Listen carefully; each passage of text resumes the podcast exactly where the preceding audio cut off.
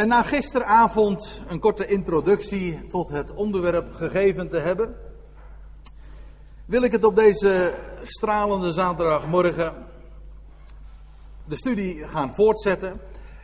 En we zullen daarbij ook de systematische aanpak niet verlaten. Dat wil zeggen, we gaan gewoon verder in het Bijbelgedeelte. En daarbij zal blijken dat het vanmorgen vooral gaat over de vraag welke strijd er dan wel sprake van zou zijn in Efeze 6. Ik heb er gisteren al even kort aangetipt. In Efeze 6 gaat het maar niet zomaar over de strijd van het leven.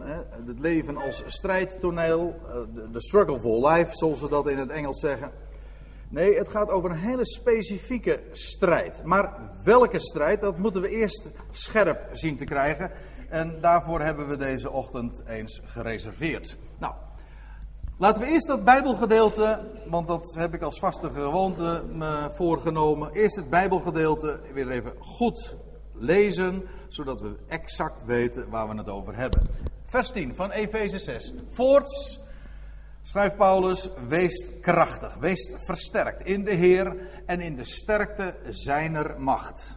Doet de wapenrusting Gods aan om te kunnen standhouden tegen de verleidingen des duivels. Want wij hebben niet te worstelen tegen bloed en vlees, maar tegen de overheden, tegen de machten, tegen de wereldbeheersers deze duisternis, tegen de boze geesten in de hemelse gewesten. Neemt daarom. Uh, wacht even. Ja. Hij reageert een beetje Neem daarom de wapenrusting Gods om weerstand te kunnen bieden in de boze dag en om uw taak geheel vervuld hebbende stand te houden. Stelt u dan op uw lendenen omgord met de waarheid, bekleed met het panzer der gerechtigheid, de voeten geschoeid met de bereidvaardigheid van het evangelie van de vrede. Neemt daarbij of neem bij dit alles het schild des geloofs ter hand, waarmee gij al de brandende pijlen van de boze zult kunnen doven. En neemt de helm des heils aan en het zwaard des geestes, dat is het woord van God. Goed.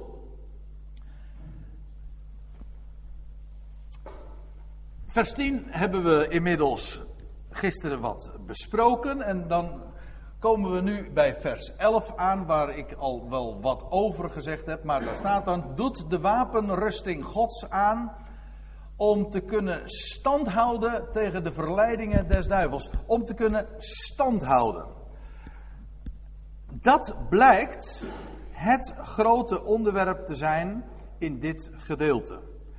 Die wapenrusting Gods zou worden aangedaan, zou worden aangetrokken Waarom? Nou, het staat erbij. Niet, er staat niet bij om te kunnen strijden.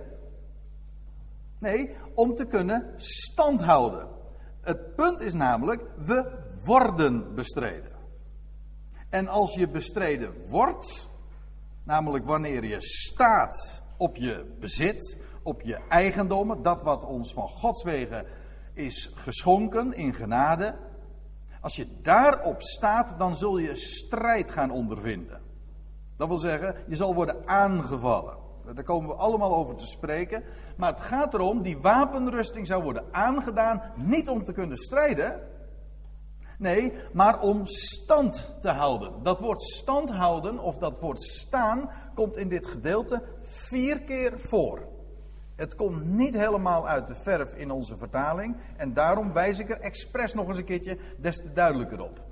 Vier keer komt het voor. Ik zal het u eh, laten zien. Hier in vers 11 dus. Stand houden. Letterlijk staat er gewoon om te kunnen staan.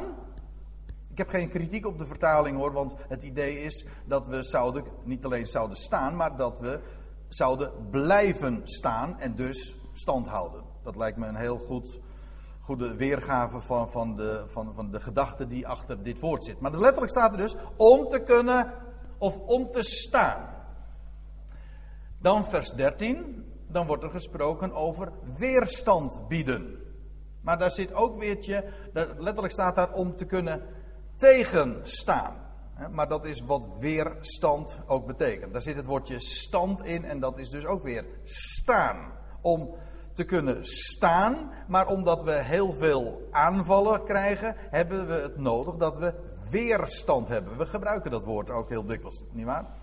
In die zin dus om staande te blijven. Om te kunnen weerstaan. Daar heb je weerstand voor nodig, ook in, als we het hebben over onze gezondheid. Je hebt weerstand nodig.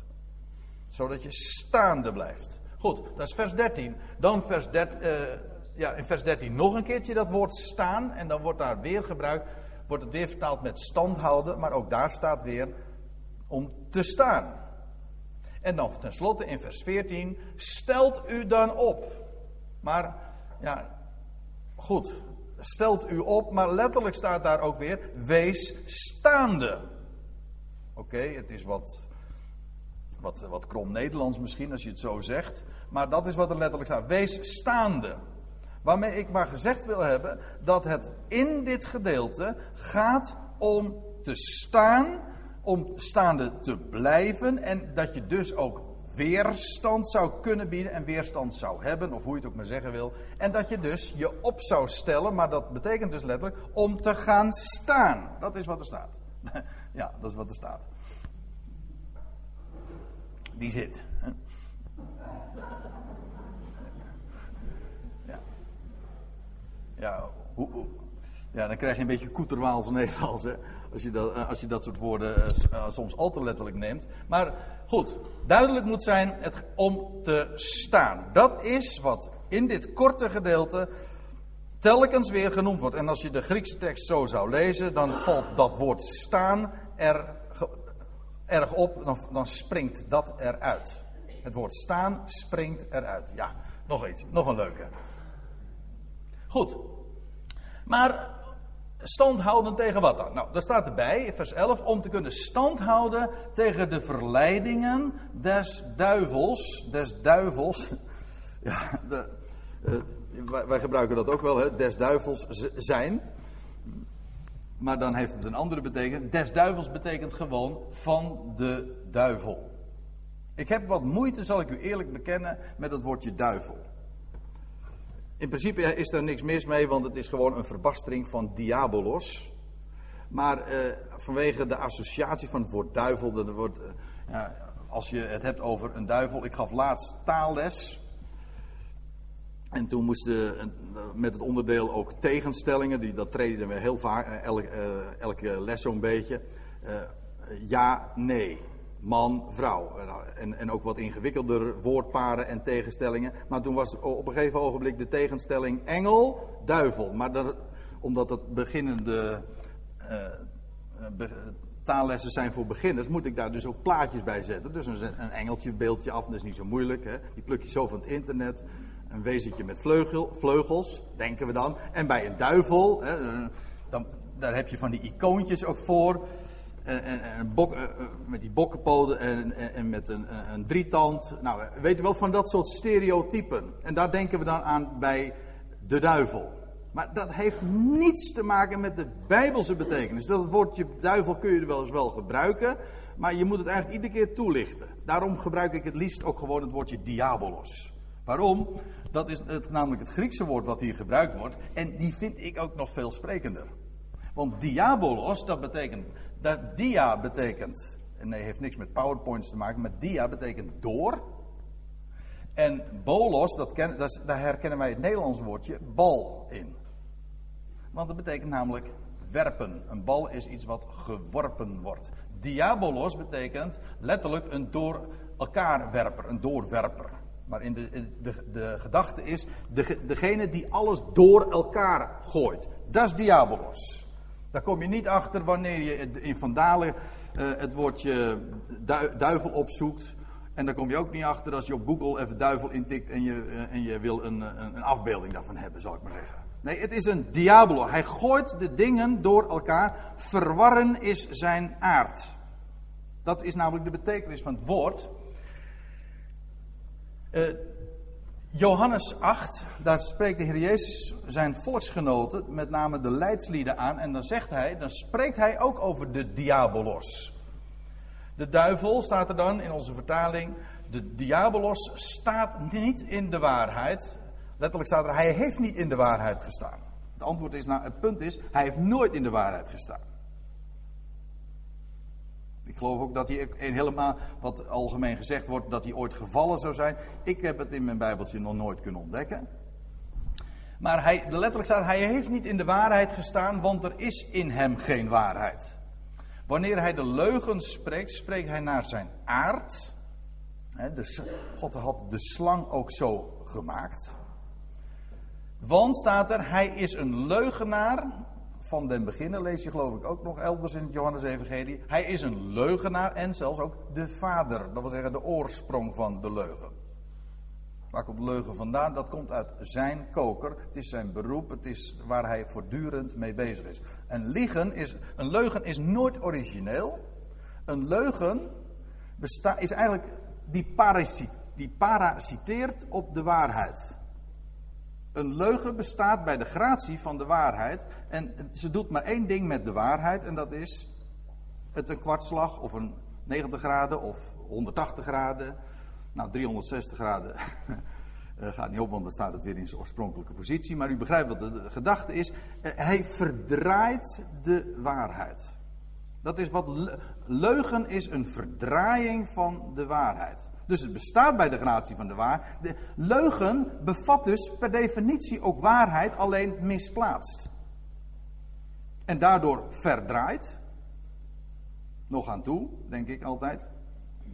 want dat is inderdaad iets wat, waarvan je, uh, als je met leugen geconfronteerd wordt, dat, uh, dat maar, ik weet niet hoe uw reactie daarop is, maar daar kan je boos om worden als de waarheid geweld aangedaan wordt verdraaid wordt.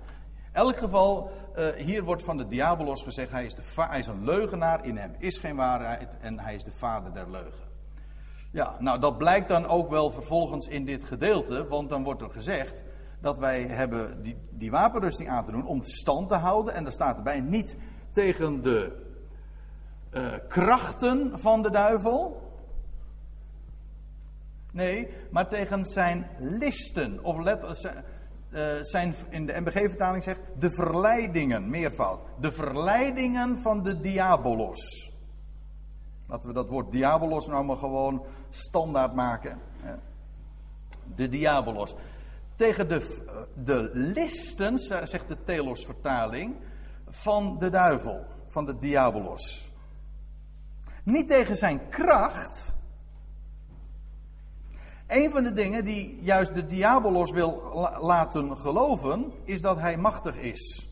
Of kracht zou hebben. Maar daar, in die zin is hij totaal geen partij. Het, weet je wanneer hij een partij voor ons wordt? En wanneer we hem te duchten hebben? Wanneer we zijn listen gaan geloven. En een van zijn listen is dat we te maken hebben met zijn kracht. Hebt u hem? Een van zijn listen is, is de mensen te doen geloven dat hij zo machtig is. Dat is de duivel helemaal niet, de diabolos. Dat is een hele mooie truc van hem. De list, de truc van hem. Hij gaat rond als een briesende leeuw. Hij is geen briesende. Nee, hij doet zich voor als een briesende leeuw. Hij is gewoon nou een slang. Listig met een gespleten tong. Glad als een aal, denk ik dan ook nog. Maar dat is de onderwater variant van de slang, hè? De, de aal, de paling. Weet u wel, die altijd maar uh, in de. die in lijken zit. Uh, een aaseter, ja. Goed. Dat is die slang dus. De list van de, van, van de duivel is dat hij wil laten geloven dat hij machtig is. En dat hij succes zou hebben. En dat we die macht van hem zouden hebben te duchten. En dat is, dat is op zich misleiding. Als hij, als, je, als hij je dat heeft laten geloven. We hebben, maar we hebben te maken met, met de listen. In het Grieks staat daar het woordje wat we allemaal herkennen. Er staat methodia. En daar herkennen we direct het woordje methodiek in. Het wordt ook vertaald met strategieën. De, we hebben dus te maken, stand te houden tegen wat? Wel tegen de, de methodieken van de diabolos.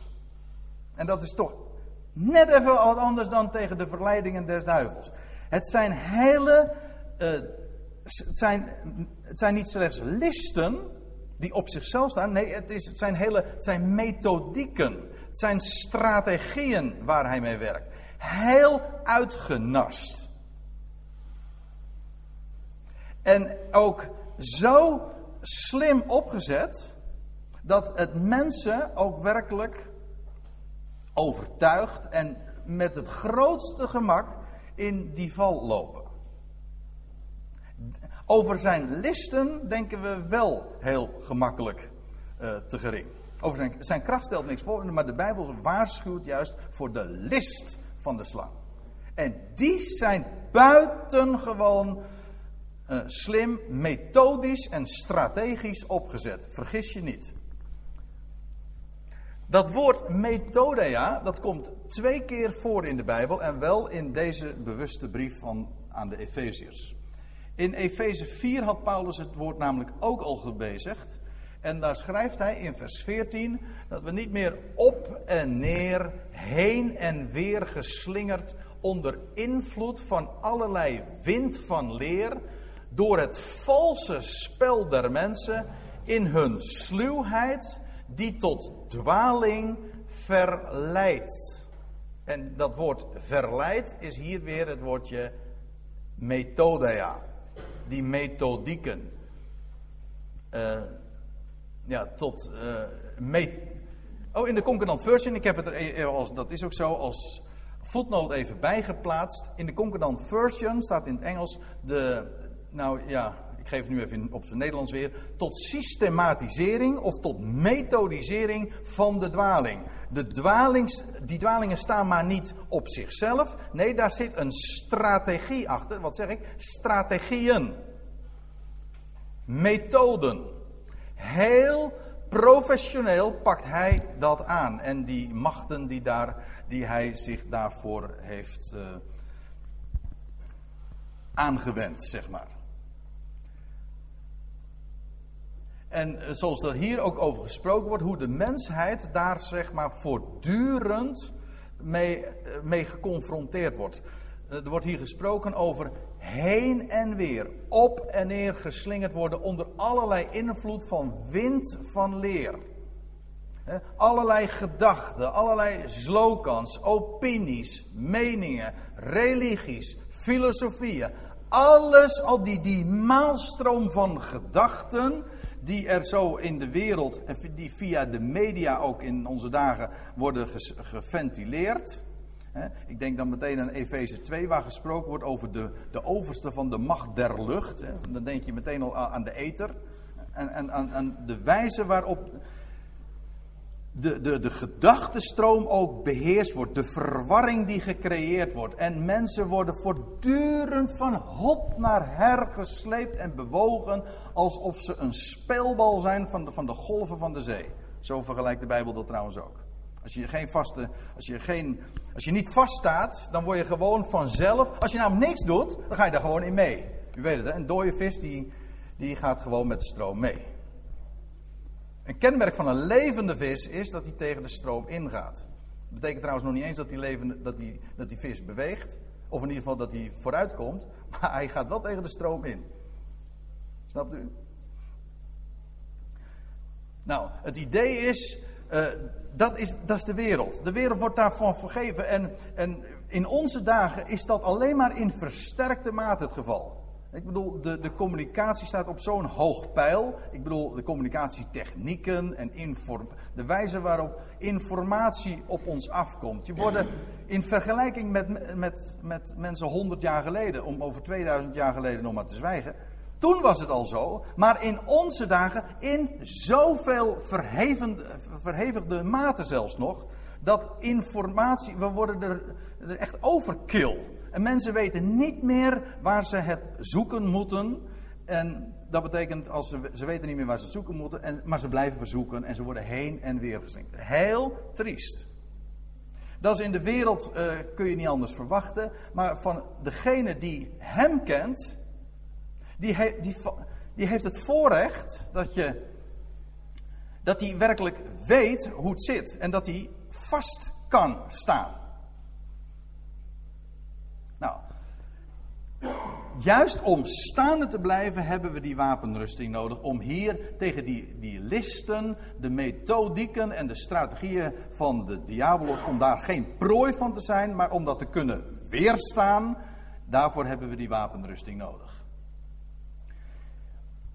Over die eh, listen en die methodieken van de diabolos wil ik nog wel een paar versen lezen. In 2 Korinthe 11 spreekt Paulus daar ook over. Daar staat er, daar staat er het is midden in een, in, in een heel betoog dat Paulus daar houdt, maar dan zegt hij geen wonder ook. Immers de Satan, en dat is een Hebreeuws woord voor dezelfde figuur. Satan betekent tegenstander, namelijk de tegenstander van de waarheid. En omdat hij een tegenstander van de waarheid is, verdraait hij die waarheid. Dus in wezen Satan en Diabolos, die twee termen zijn aan elkaar gelinkt, zodra je begrijpt dat het allebei te maken heeft met zijn houding ten opzichte van de waarheid. Hij staat de waarheid tegen en de beste manier om de waarheid tegen te staan is niet het te ontkennen, maar gewoon te verdraaien. Dus mee te gaan, maar een slag te draaien. En, heb je, en het resultaat is leugen. En hoe meer het lijkt op de waarheid, hoe meer succes je hebt. Dat is ook nog eens zo. Goed. Immers, de Satan, de tegenstander zelf, doet zich voor. In het Grieks staat daar het woordje trans, ja, ons woord transfigureren. Hij, hij, verander, hij transformeert zich. Oh, transfigureert Hij doet zich op een andere wijze voor. Hij doet zich namelijk voor als een engel des lichts. Niet als, die, als een duivel, Nee, als een engel, een boodschapper van licht. Licht is in de Bijbel ook weer synoniem met waarheid. Dat wat aan het licht komt, aan het licht brengt.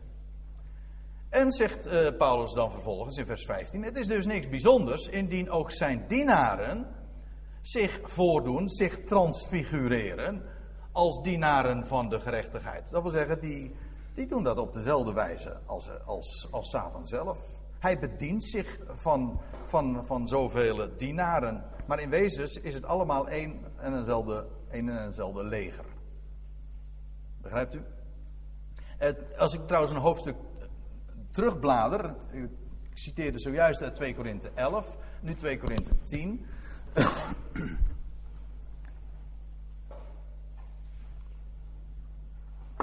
Daar schrijft Paulus. En dat is een heel interessant gedeelte, omdat, omdat hij hier ook uh, de beeldspraak introduceert van, van veldtocht en van een wapenrusting. Hoewel hij het woord niet direct gebruikt. Maar hij schrijft dan, want al leven wij in het vlees. Dat wil zeggen, wij zijn niet anders dan uh, wie dan ook van de mensen. We hebben allemaal een lichaam. We leven in het sterfelijke, zwakke vlees. Ja, Paulus zegt, maar we trekken niet ten strijde naar het vlees. Dat wil zeggen, onze strijd is helemaal niet in overeenstemming met of uh, wordt geregeerd door of laat zich leiden door het vlees. Nee, dat heeft een heel andere bron, heel andere normen ook. Want, zegt hij, de wapenen, de instrumenten van onze veldtocht zijn niet vleeselijk, maar krachtig voor God tot het slechten van bolwerken. Dat is heel interessant, want het woord wat hij hier gebruikt, bolwerken, dan heeft hij het ook over, over gedachtegangen. Blijkt ook wel, want dan zegt hij, zodat wij de redeneringen en elke schans die opgeworpen wordt tegen de kennis van God slechten. Dus hij spreekt hier over, een, over wapens die hem ter beschikking staan. Dat zijn geen vleeselijke wapens, dat zijn, is geen mitrailleur of een, of een, of een zwaard of uh, wapens in die sfeer. Nee, want daar, dat is de echte strijd ook niet. De echte strijd heeft te maken met gedachtegangen, met redeneringen. Als bolwerken staan we daar tegenover. Ja, maar die wapens die ons ter beschikking gesteld zijn, die zijn krachtig voor God. Zo schreef hij het in vers 4. Krachtig voor God tot het slechten daarvan. Dat wil zeggen het afbreken, het demonteren van, van zulke imposante gedachtegangen, stelsels van redeneringen en, en ideeën. Zodat wij de redeneringen en elke schans die opgeworpen wordt tegen de kennis van God, dus daar hebben we het echt inderdaad over zijn woord. God heeft zich immers bekendgemaakt door zijn woord. Wij kennen God slechts doordat hij zich heeft kenbaar gemaakt. Hij heeft gesproken. Hij heeft zichzelf verklaard en meegedeeld. Nou, alles wat daartegen opgeworpen wordt, die zijn wij in staat om dat te detecteren, om dat te herkennen en om het ook meteen ja, te demonteren en daarmee die bolwerken te slechten. En daar hoef je helemaal, dat is, leuk, even tussendoor, daar hoef je je helemaal niet bezig te houden met, met, met leugen. Laat ik het zo zeggen. Je hoeft de leugen niet te kennen om hem toch te kunnen herkennen. Sommige mensen die denken dat ze, dat ze zich moeten bezighouden met allerlei ideeën in de wereld, filosofieën. Waarom? Wel om die leugens te herkennen. En, dat, en ik ben het niet eens met die hele, met die hele in, instelling. En ik vind het zelfs een hele gevaarlijke instelling, want hoe meer je met leugen bezig bent, hoe meer je er daardoor ook ten prooi aanvalt. Weet je wat je veel beter kunt doen? Veel simpeler ook. Gewoon je bezighouden met de waarheid. Daarin vastgesteld te worden. En als je de waarheid kent, zul je de leugen, zonder dat je hem ooit je ermee hebt bezighouden, zul je het onmiddellijk herkennen. Want het is namelijk dat wat afwijkt van de waarheid. En ik zeg, het is een veel simpelere manier. En dat kan ik makkelijk uitleggen, van de waarheid is er namelijk maar één. Van de leugens zijn er vele. Ik bedoel, er is maar één vorm. Waar, eh, vals geld, daar, die, die, die bestaat in. Ja, dat is wel een aardig voorbeeld trouwens. Iemand die uh, een ex, expertise heeft opgebouwd op het gebied van valsmunterij. Dat is niet iemand die precies weet hoe, hoe andere mensen valse munten maken. Nee, dit is iemand die gewoon heel goed weet hoe een echte, ware munt eruit ziet. En die dus omdat hij dat weet, valse munten direct herkent. En dat geldt voor ons ook. Het gaat erom, als je de waarheid kent, zul je, dan, dan, dan ruik je de leugen al op een afstand. Daar word je namelijk in getraind. Dat, dan oefen je daarin. En, en ik, ik ben blij dat wij uh, dat mogen doen. Hè? Dat ons wapens zijn gegeven, instrumenten gewoon, die krachtig voor God zijn en we houden ons bezig met zijn woord. En dan hebben we niets, maar dat, dat zeg ik echt heel laconiek, dan hebben we niets te duchten van al die ideeën en alles wat, al die listen en die methodieken van de diabolos. Daar hoeven we niet bang voor te zijn. Je moet er alleen bewust van zijn. En die diabolos bedient zich van de leugen. En de enige manier is dat je vastgesteld wordt in de waarheid. We zullen dat later trouwens ook nog wel zien. Vanavond trouwens. Het eerste wat genoemd wordt is de waarheid. Die moet je kennen. Dus uh, laat u niet uh, wijsmaken dat je, dat je je uitgebreid zou moeten bezighouden met religies en met, met filosofieën van deze wereld. Want ja, we moeten daar toch gewapend tegen zijn. Ja, maar de enige manier om daar gewapend tegen te zijn is dat je weet hoe het zit. Ja. Goed, ik ga even verder. Vers 12 schrijft Paulus. Uh, ja, hij had gesproken dus over de, dat we te maken hebben en dat we stand zouden houden tegen de methodieken van de diabolos. Want, schrijft hij, wij hebben niet te worstelen tegen bloed en vlees. Ja. Bedenk goed wat hij hier schrijft.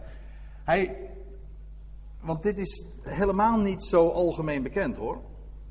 Ik bedoel ook niet in de christelijke wereld, in de religieuze wereld in het algemeen al sowieso niet. Eh, want de grootste oorlogen die er momenteel in de wereld gaande zijn, zijn godsdienstige oorlogen.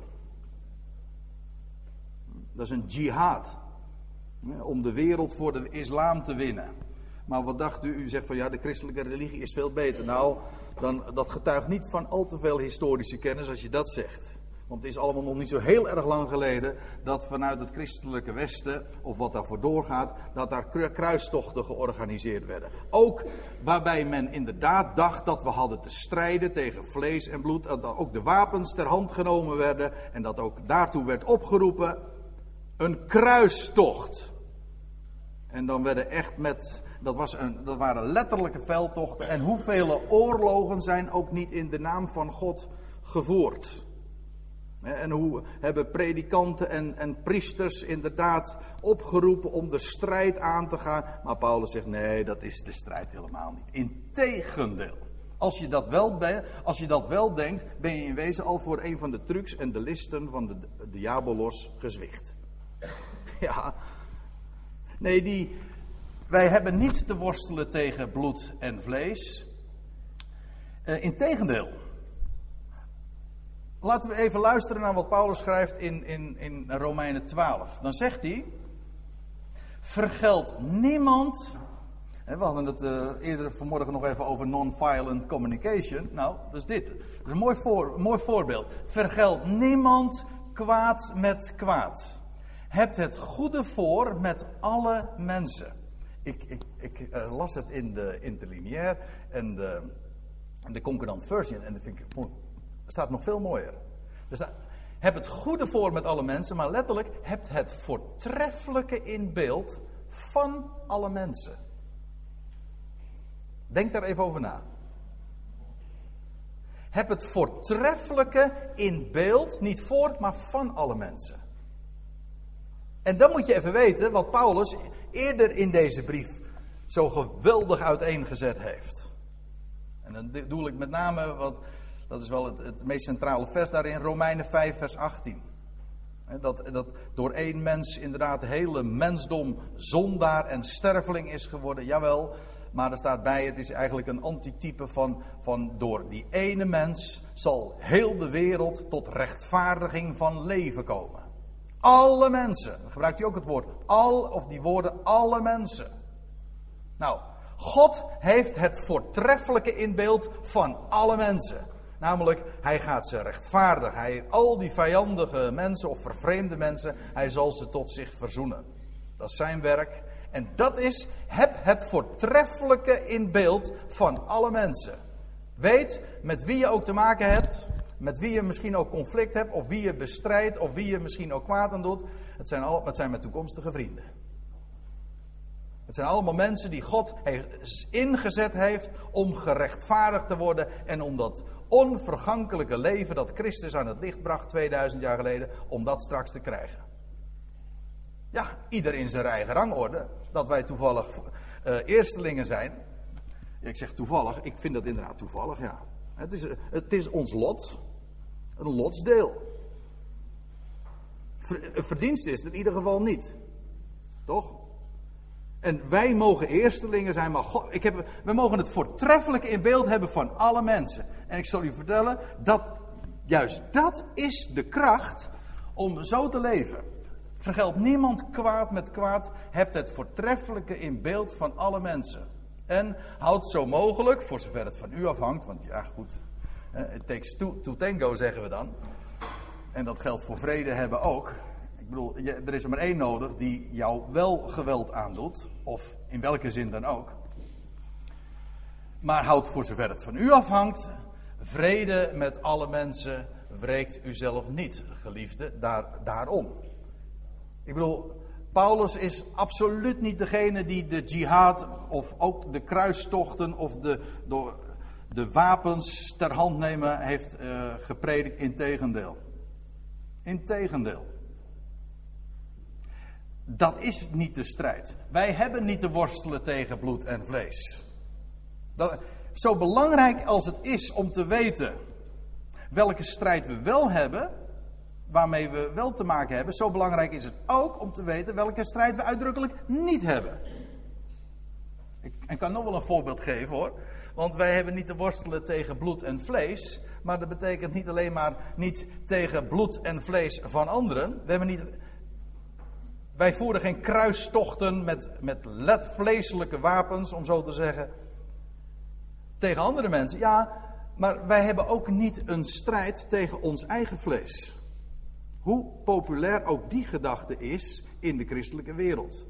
En vanaf eh, de aanvang ongeveer, in de, al heel vroeg in de kerkgeschiedenis, is dat idee uh, naar binnen ge, komen, ook trouwens via Griekse filosofie, en dat dit lichaam maar een kerker zou zijn, en dat, waarbij ook het gedachte, kwam van dat de mens van nature een zondaar zou zijn en dat we tegen het vlees hebben te strijden. Zoek het maar op in uw Bijbeltje, je zult het niet terugvinden. Het is een hele ellendige strijd. Ook niet te strijden tegen de begeerte van ons eigen vlees. Trouwens, de Bijbel spreekt wel over zo'n strijd. Maar dat is een vreselijke strijd. Waarbij je, als je eenmaal de gedachte hebt, en het is ook vanaf kansels uh, gepredikt en in de kerken is het altijd voorgehouden dat de mens, ik geloof ook dat het in het, uh, in het doopformulier nog zo geformuleerd wordt van de, van de Calvinistische kerken, dat we hebben te strijden tegen de duivel, de wereld en ons eigen vlees. En dat is zo'n foute gedachte. Wij hebben sowieso niet te strijden tegen de duivel, hij strijdt tegen ons. En wij, sta, wij zouden stand houden. Maar ook tegen ons eigen vlees niet. En hoe heeft het mensen niet in de vernieling geholpen? Te strijden tegen hun eigen vlees. Paulus had trouwens in het voorgaande hoofdstuk nog gezegd: Niemand haat ooit zijn eigen vlees. Maar hij koestert het. Dat is normaal. Kijk, de Bijbel heeft geen goed woord over dat we wandelen naar het vlees. Maar dat is geen. En, en de gezindheid van het vlees. Dat wil zeggen dat we onze mentaliteit, onze gedachten zouden laten beïnvloeden door alle impulsen en alle signalen die het lichaam geeft. Het lichaam zelf is niet zondig, het is zwak, dat is waar. En we zouden onze gezindheid niet laten bepalen door alle impulsen die het geeft, door onze eigen begeerten. Het moet gemanaged worden. Maar daarmee is het vlees niet onze vijand. Laat staan dat we haar zouden hebben te bestrijden. De Bijbel spreekt wel over zo'n strijd, maar dat is een hele arme, armzalige strijd. En Paulus schrijft daarover in Romeinen 7. Nou, als ik zeg Romeinen 7, en de, de Bijbelkenners onder u weten meteen al waar ik het dan over heb. Oh, dat is die, die, dat, dat hoofdstuk van ik ellendig mens. Ja, maar hoezo? Waarom schrijft Paulus daarover ik ellendig mens? Laten we eventjes dat kort aanstippen. In verband ook met welke worsteling we uitdrukkelijk niet hebben. Niet tegen vlees en bloed van anderen alleen maar niet. Maar ook tegen ons eigen vlees niet.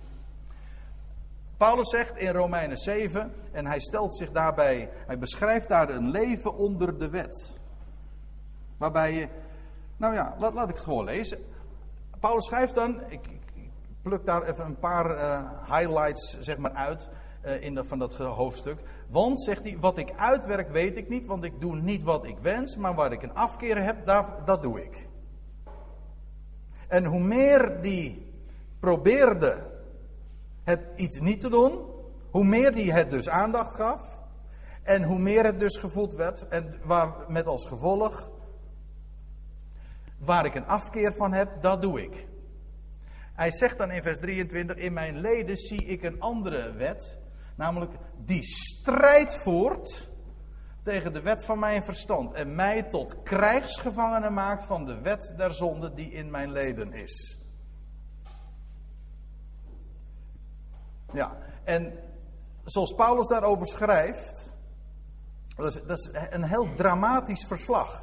Iemand die worstelt, hè, die wel worstelt met zijn eigen vlees en, be, de, en begeerten be, probeert te bestrijden. En, en dat is een hele vrome strijd, want je wil namelijk het.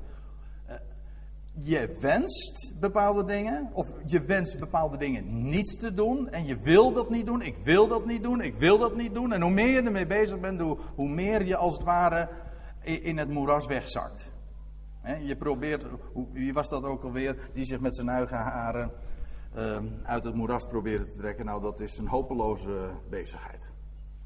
Als je wegzakt en dan proberen aan je eigen haren je er weer uit, uit het moeras uh, op te trekken. Dan ga je niet lukken. Nou, dat is Romeinen 7. Dat blijkt ook wel, want hij zegt dan uh, in vers 23 nog: het die, die, die strijd die maakt mij tot een krijgsgevangene. En dan, en dan roept hij het uit. Als hij daar zo mee bezig bent. Ik ellendig mens. Wie zal mij verlossen uit het lichaam van deze dood? Uit dit sterfelijke lichaam namelijk. Dit lichaam dat aan de dood is onder, onderhevig is. Het maakt hem tot een ellendeling. een, dat is een strijd. Maar Paulus blijft daar niet bij. Sommige mensen die denken dat dit het normale christelijke leven is. En de strijd, die, de goede strijd die wij hebben te strijden, eh, een strijd is tegen het vlees. Ze weten ook wel dat dat een, een hopeloze strijd is, maar daar zijn we dan toe geroepen. Dan ben je beklagenswaardig hoor. Als we geroepen zouden zijn als blijde boots, en dan, spreekt men over het evangelie, en dat we zouden geroepen zijn in dit leven te strijden tegen al die begeerten. Nou, laat mij dan maar een wereldling zijn. Denk ik dan. Eh, gewoon iemand die dat allemaal niet weet. Want die heeft die strijd niet, die doet gewoon waar die zin in heeft.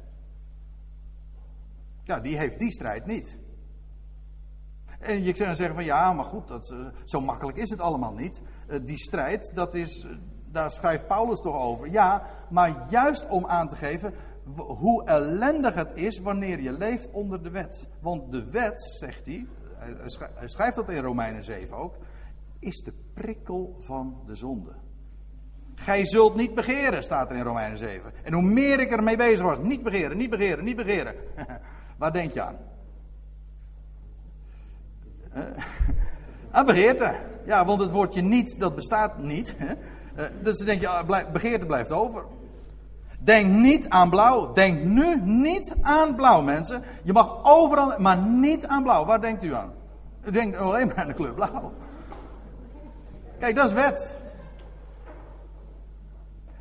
En het is zo logisch als je daarover nadenkt. Maar het is een ellende als je daaraan overgegeven bent. En Paulus zegt, ik, het maakt mij tot een krijgsgevangene. En ik ellendig mens, wie zal mij verlossen uit het lichaam van deze dood? Nou, dan zegt hij, en dat is de introductie naar Romeinen 8. Want dat is een, dat is een dan juicht hij, uh, in het laatste vers van Romeinen 7, juicht hij ineens... Gode zij dank door Jezus Christus, onze Heer. En, en ineens wordt de, de, de toon compleet anders. In Romeinen 7 is hij bezig met dingen de hele tijd uh, niet te doen. Ja, en Romeinen 8, hij is bezig, zelf bezig. Hij probeert maar, hij probeert maar. En hij faalt dus voortdurend.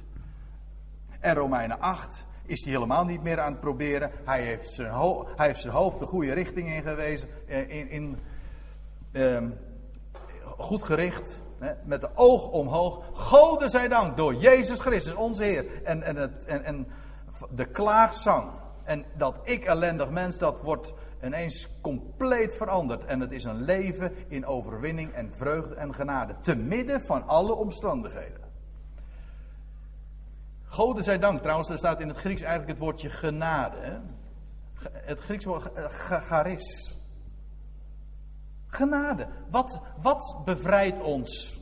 Nou, genade.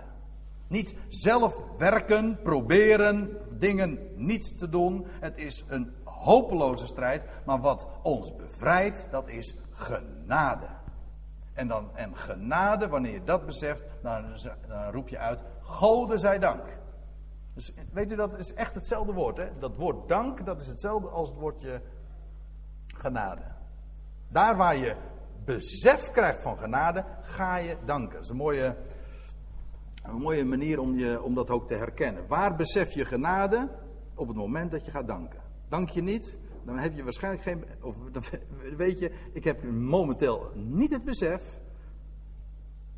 van genade, van dat wat hij geeft. Goed. Paulus had trouwens in het voorgaande al geschreven, al eerder in, ditzelfde hoofd, in dezezelfde brief, over ja, wat we zouden doen. Hoe zit het dan met die zonde in ons? Moet die dan niet bestreden worden? Nee.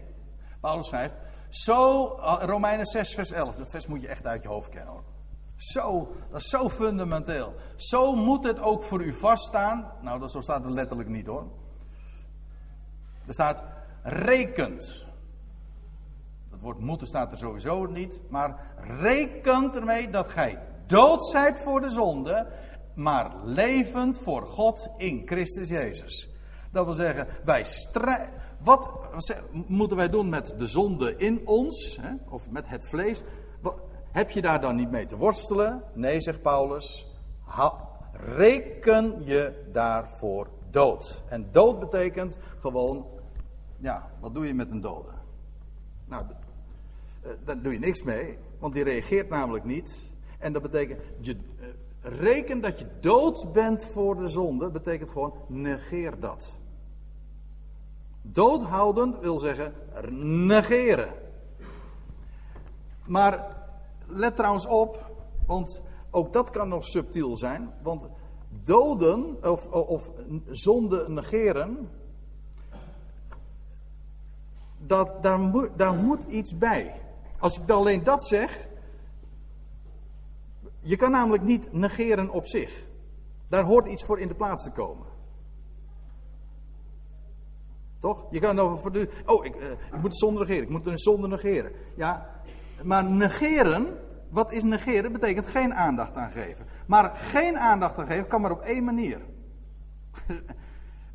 Terwijl ik het zeg, denk ik bij, bij mezelf: ik zit nu gewoon voortdurend open deuren in te trappen. Het is ook heel eenvoudig als je erover nadenkt en in het licht van de Bijbel. Maar wat Paulus hier schrijft: dood voor de zonde, dat is de schaduwzijde, zeg maar. De andere kant van dezelfde medaille is: je leeft voor God in Christus. Ik ben gerechtvaardigd en wat doe ik? Ik leef gewoon voor Hem. En daarmee, als je voor Hem leeft, daar je aandacht aan geeft, elke dag gewoon, je leeft voor Hem. En dan de zonde, nou daar heb ik niks mee te maken. Daar ben ik dood voor. Dat negeer ik dus, geef ik geen enkele aandacht. Laat je niet ook daar om de tuin leiden, dat is ook zo'n list. Laat je niet om de tuin leiden door de gedachte van ja, maar die zonde, daar moet je heel erg, daar moet je heel erg voor uitkijken. Daar moet je, daar moet je toch bestrijden, daar, moet je, daar, daar hebben we toch mee te worstelen. Dat zijn allemaal ideeën die slechts deze waarheid, waarin we zouden staan, ondergraven. Leef, is het zo simpel? Ja, het is zo simpel. Leef voor God in Christus. Leef voor Hem. En de zonde, daar heb je geen boodschap meer aan.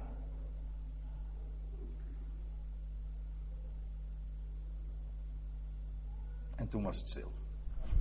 Maar het is de waarheid.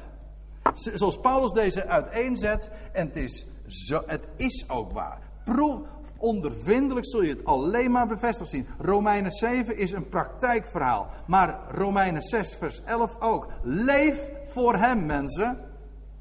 En mensen stellen het altijd maar voor. Uh, ja, ik vind het vreselijk, hè? Want kijk, we hebben het nu over wapenuitrusting deze, deze, dit weekend. Maar velen in de christelijke wereld die vertellen altijd maar met een, met een somber gezicht: het leven is een strijd. En dan denk je van, hé, hey, oh, die, die heeft begrepen wat Paulus zegt. Hè? De goede strijd hè? en die wapenrusting van God. Ja, maar wat men bedoelt is precies tegenovergestelde. Want waar het in Efeze 6 juist om gaat, is dat wij niet strijden, maar dat wij stand houden. Namelijk stand houden in, in de overwinning die behaald is. En dat wij leven voor Hem.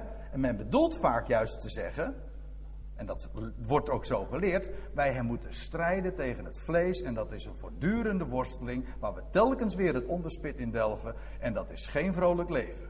En dan denk je van, is dat de genade, de overvloeiende genade die God geeft? Wat een karikatuur. Wat een karikatuur van christelijk leven stelt men zich daarbij voor. Nou, dat is met echt christelijk leven hoor. Sorry, ja, dat is echt. Dat, woord lijk is, uh, vind ik sprekend in dit geval. Sorry, het is een wat uh, erg Nederlands georiënteerd grapje. Maar het is tekenend. Je loopt met de dood in je schoenen, feitelijk. Het is helemaal geen leven van genade en van dankbaarheid en vreugde. Het is een leven van zuchten en van steunen. En dan heb ik het niet over, de, de, de, over pijn en moeite die je ondergaat, maar over dat, die, die, die, die worsteling die je met het vlees zou hebben te doen. Die je zou, zou strijden. Goed, Paulus schrijft dat dus. Reken dat je dood bent voor de zonde. Leef voor God in Christus Jezus. Goed, eh, we hebben niet te worstelen tegen bloed en vlees, maar zegt hij dan in vers 12, tegen de overheden en tegen de machten.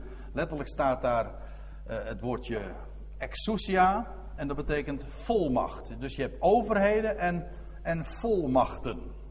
Dat wil zeggen, die hebben uh, de macht gedelegeerd gekregen. Overheden en machten is dus niet helemaal hetzelfde. Overheden staan dus boven machten. In deze volgorde dus uitdrukkelijk. Eerst vol overheden en vervolgens ook machten. Wat blijkt is dat zoals je dat in deze wereld gewoon hebt. Je hebt allerlei lagen, niveaus van overheden en machten. Zo is dat in de ongeziene wereld, die zich dus onttrekt aan onze waarneming, net zo. Overheden, machten en de wereldbeheersers van deze duisternis. Ja, ik heb ooit een boekje gelezen van uh, meneer Matsken. Die een boekje had, uh, met, uh, ik meen ook deze titel, over de kosmocraten. Voor de rest is het een, een erg onbekend woord. Hè, maar dat is het woord eigenlijk wat Paulus hier gebruikt. De wereldbeheersers, dus de kos, de, degene die de kosmos beheersen, kosmocraten.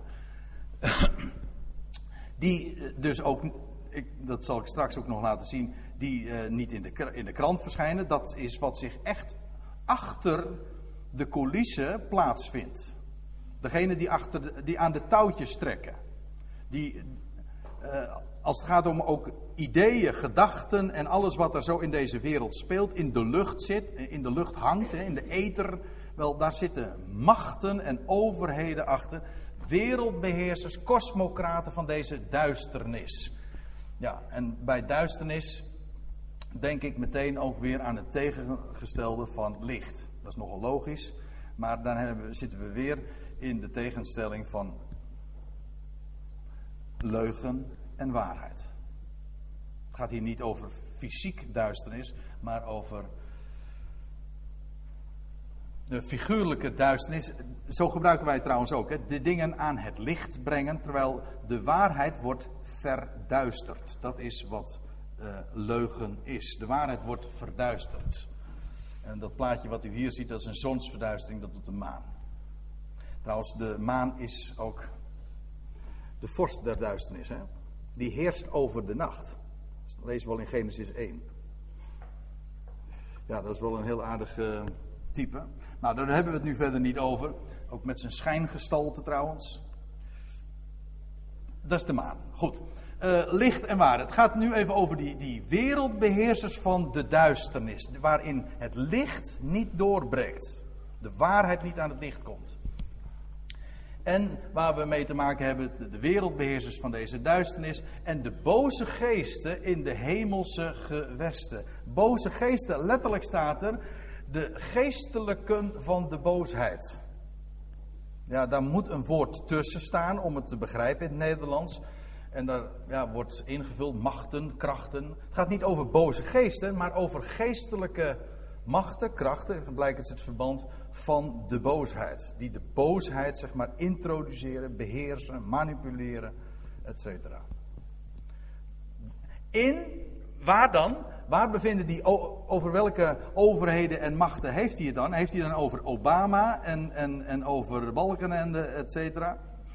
Nee, hij heeft over de overheden en de machten en de kosmocraten die achter de overheden en de machten en in het algemeen wat er in deze wereld allemaal speelt, uh, die dat beheersen. In de hemelse gewesten. Ja, in de hemelse gewesten. Letterlijk staat daar in de hemelsen. Of zoals de concurrent version dat ook weergeeft, te midden van de hemelsen.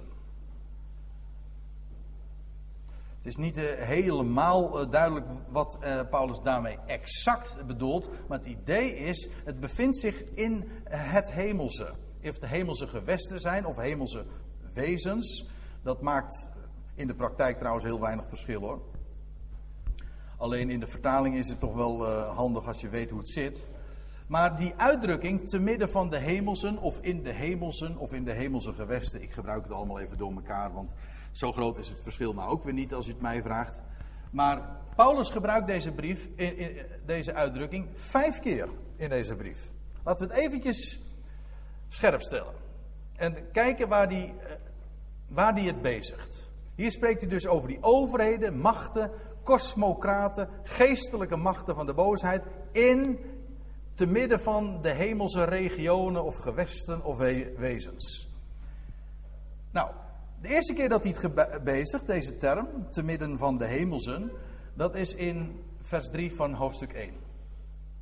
Daar schrijft Paulus: Gezegend zij de God en Vader van onze Heer Jezus Christus, die ons met allerlei, pardon, er staat allen of elke, die ons met elke geestelijke zegen te midden van de hemelsen gezegend heeft in Christus. Eigenlijk staat het in de aorist. Hij, hij zegent ons.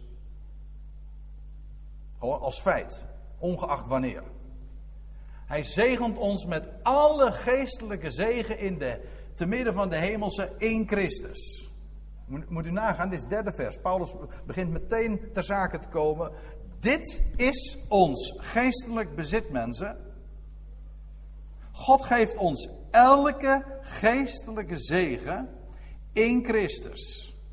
Dat wil zeggen, in Hem die momenteel gezeten is te midden van de hemelingen. Daar bezitten we alles. Niet allerlei dingen in, nee, elke zegen. Er is geen zegen die wij niet bezitten.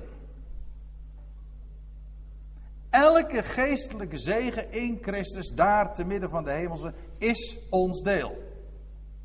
Dat is de uitgangspositie. En waar het om gaat, is dat we daar in het leven elke dag op zouden gaan staan. Zo simpel. En blijven staan. Niet van je stuk te krijgen. En heb je weerstand nodig. Hè? Nou, dat is waar die wapenrusting voor is. Goed, uh, hetzelfde hoofdstuk. Gebruikt u die uitdrukking nog een keer, vers 20.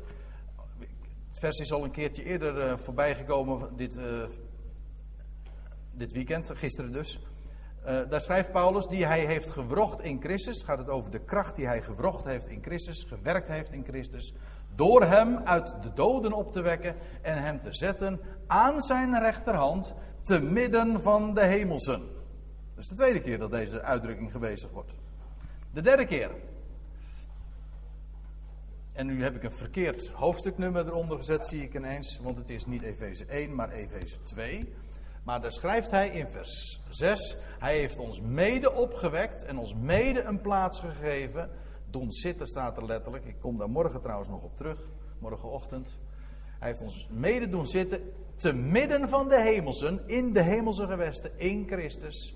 Om in de komende aionen de overweldigende rijkdom van zijn genade te tonen. Naar zijn goede tierenheid over ons in Christus Jezus.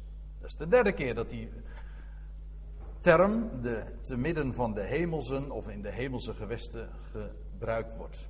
En dan de vierde keer, Efeze 3. Heb ik weer een fout gemaakt, zie ik. Het is Efeze 3. Ik zal dat alsnog, voordat ik het op internet zet, nog corrigeren. Maar daar staat. Opdat thans door middel van de Ecclesia, de gemeente, het uitroepsel in onze dagen, aan de overheden en de machten in de hemelse gewesten. Hé, hey, dat is interessant hè? Want dat is precies wat drie hoofdstukken later weer ter sprake gebracht wordt.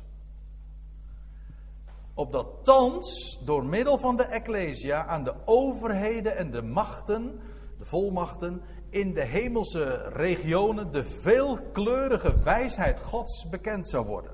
En daar waar dat gebeurt, wel, daar komen die hemelse, eh, die overheden en machten, treden ook, uh, die bestrijden dat ook. Want het is weliswaar veelkleurige wijsheid Gods, maar het blijkt tevens dat die boosheid die zij, waarin zij regeren en de duisternis waarin zij heersen, het onderspit zal delven. En dat is niet aangenaam. Daar zijn ze not amused voor. Hè? zeggen ze dan. En vandaar die strijd. Want zij zien ook wel dat wij feitelijk uh, mededingers, nee, mededingers, wij zijn gewoon hun concurrenten. Hun rivalen. Want, zij, wij, want op het moment dat wij straks naar boven zullen gaan, onze positie in gaan nemen, ja, dan gaan zij naar beneden. Kijk, in die zin hebben zij dus echt wat te verliezen. Maar wij, kijk, wij hoeven dat helemaal niet, uh, hen niet aan te vallen, want ja, wij zijn daar gewoon zeker van. Zij strijden, niet wij. Maar wij mogen erop staan. Goed, en dan dus Efeze, uh, 6, waar dat vervolgens dus ook gebezigd wordt. De, over, de, die, die geestelijke machten der boosheid in te midden van de hemelingen of in de hemelse gewesten.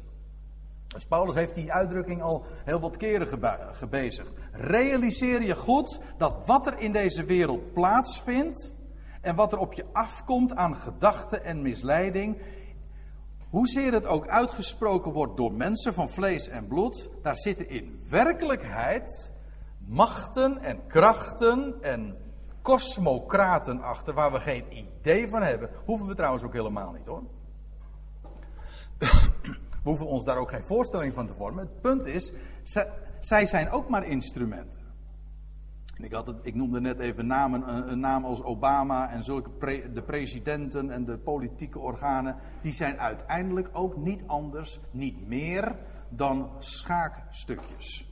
Zij, zij worden gebruikt. En zij zijn zich ook niet bewust van, van het valse spel wat eigenlijk gespeeld wordt. Goed, nou dat is, de, dat is de wereld waar we in leven, waarin de leugen regeert. Was het toch? We leven in de wereld, de leugen regeert. Een paar jaar geleden maakte koningin Beatrix die opmerking nog een keer. Hè? Nogal verbolgen over iets. Toen zei ze als koningin, de leugen regeert. Dat is even een nadenkertje hoor.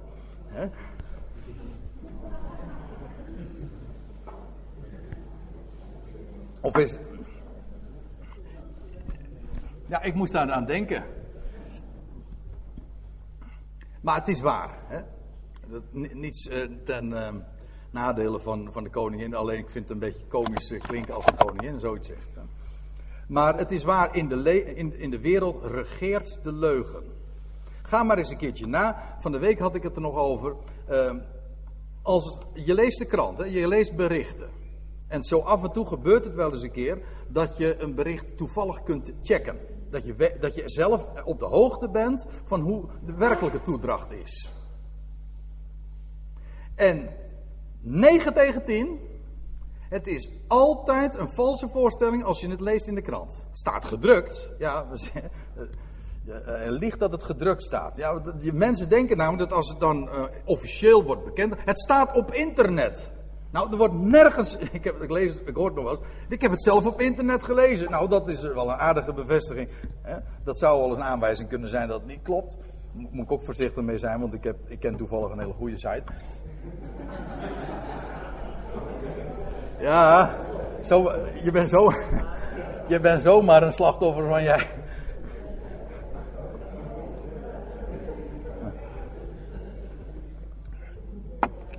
Ja, maar dat is, internet, laten we wel wezen, dat is ook zo'n fenomeen. We hadden het net over de media, over de, de televisie en zo. Maar wat er allemaal. Hoe de leugen een, een, een instrument is om de verwarring compleet te maken.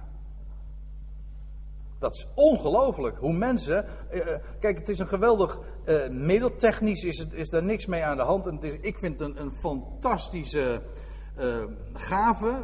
Waar je, waar je gebruik van kunt maken om, om de, om, om het woord van God door te geven, die ware data. Om, om het woord van God door te geven en, en om te spreken over, over, de, over de dingen waar het werkelijk om gaat. Maar eh, ja, wat er allemaal niet gedebiteerd wordt via het internet, de verwarring wordt alleen maar groter. Dat is de praktijk. Ja, nou dat, is, dat speelt er in de wereld. Zodat mensen heen en weer geslingerd worden, een speelbal zijn. Dat is tragisch. Ja, als je het niet beter weet. Maar daarom is het zo belangrijk. Zo belangrijk om te staan op dat wat we bezitten. En je niet van de wijs laten brengen.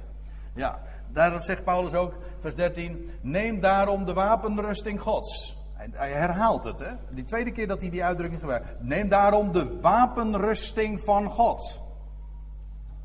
Waarin, dat wil zeggen, die, die, die kledij die getuigt van de triomf die hij behaalt.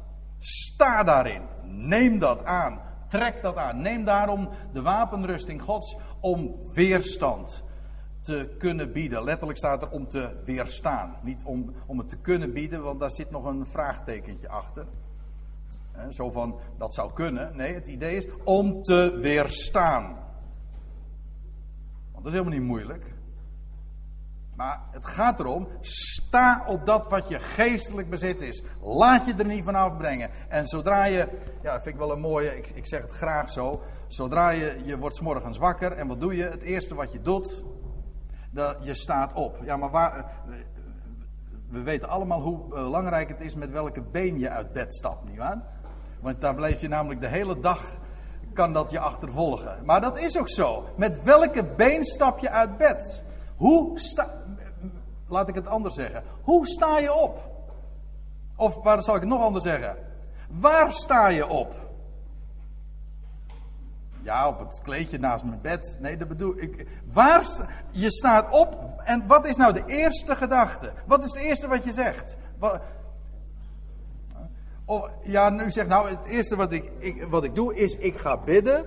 Hè, om, om, de, om te, heren, wilt u, mij helpen, wilt u mij helpen om te strijden tegen de zonde en tegen, de, tegen het vlees? En dan, ga je, en dan is het de bedoeling dat als je dan weer uh, de, een hele dag getopt hebt, dat je, dan is de bedoeling aan de dag dan terug te kijken en hoe het je gelukt is om inderdaad in de weg van God te leven. En dan kijk je terug of het je inderdaad allemaal gelukt en dan mag je vervolgens weer heel deemoedig te zeggen van nou ik heb er helemaal niks van gebakken, heren, zo. Eh, zo. En dat zou dan het christelijke leven zijn. Ik vind het armzalig. Of dat je s'morgens opstaat. In de genade, in de vreugde. En je dankt Hem voor alles wat hij geeft. Voor elke geestelijke zegen. En daarin staat. En je gaat niet vragen, God, wilt u mij helpen in, in het proberen en, en mijn best doen. Nee, Heere God, ik dank u dat u bij machten bent veel meer te doen vandaag in mijn leven door mij heen dan ik nu op dit moment besef. Ik heb er geen idee van, maar Heer, u wel. Alsjeblieft, hier ben ik. Sta zo op. Blijf daarin staan. Dat is niet vanzelfsprekend. Als je, daar niet, als je niet zo opstaat en met verkeerde been dus opstaat, dan laat je je zomaar weer inpakken door al die listen van de diabolos. En dan ben je gewoon meteen in aanvang al een prooi van hem. En de wereld heeft niet in de gaten, want ze, ze gaan allemaal daarin mee. Ja, maar het is wel, het is, dat is een verloren dag. Dan ben je in wijze al meteen bij, bij het opstaan al gevallen. Sta in die genade. Blijf daarin staan. Ja, om weerstand te kunnen bieden. Ik heb expres zo'n plaatje bij gedaan. Ik tik het woordje uh, weerstand in, in bij Google en dan krijg je zulke plaatjes. Hè. Dat is goed voor je weerstand. Vitamine. Hè. Voor je weerstand. Zorg gewoon dat je weerstand hebt. Niet slikken tegen allerlei ziektes. Nee, zorg gewoon dat je gezond bent, kracht, gesterkt in Hem. En dan zul je gewoon, dan, dan, blijkt, dan blijkt de diabolos geen partij voor je te zijn. Dan kun je gewoon een lange neus trekken. Dat heeft hij zelf ook trouwens, hè? dat is net als Pinocchio.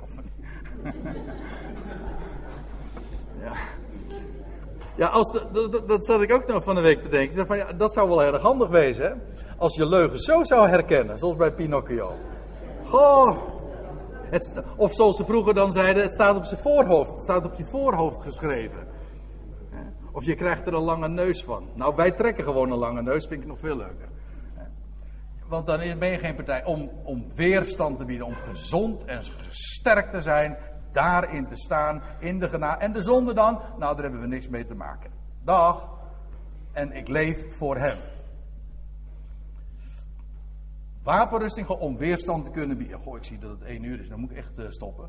Uh, om weerstand te kunnen bieden in de boze dag. Ja, in de boze dag betekent hier gewoon in de, de dag uiteraard dat we te maken krijgen met de aanvallen. Dat is de boze dag.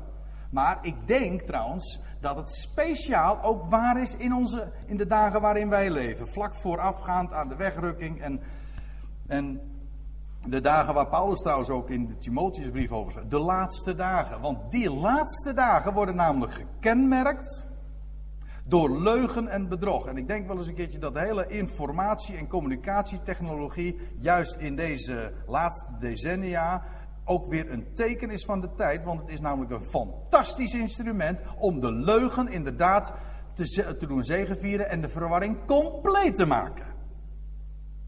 Ja, in deze laatste dagen is het daarom des, leven we met recht voortdurend eigenlijk in die boze dag. Voortdurend, elke dag worden we blootgesteld aan al die invloeden en al die trucken, strategieën, methodieken, bolwerken, redeneringen, filosofieën, waardoor je zomaar lam gelegd wordt, van je stuk gebracht wordt.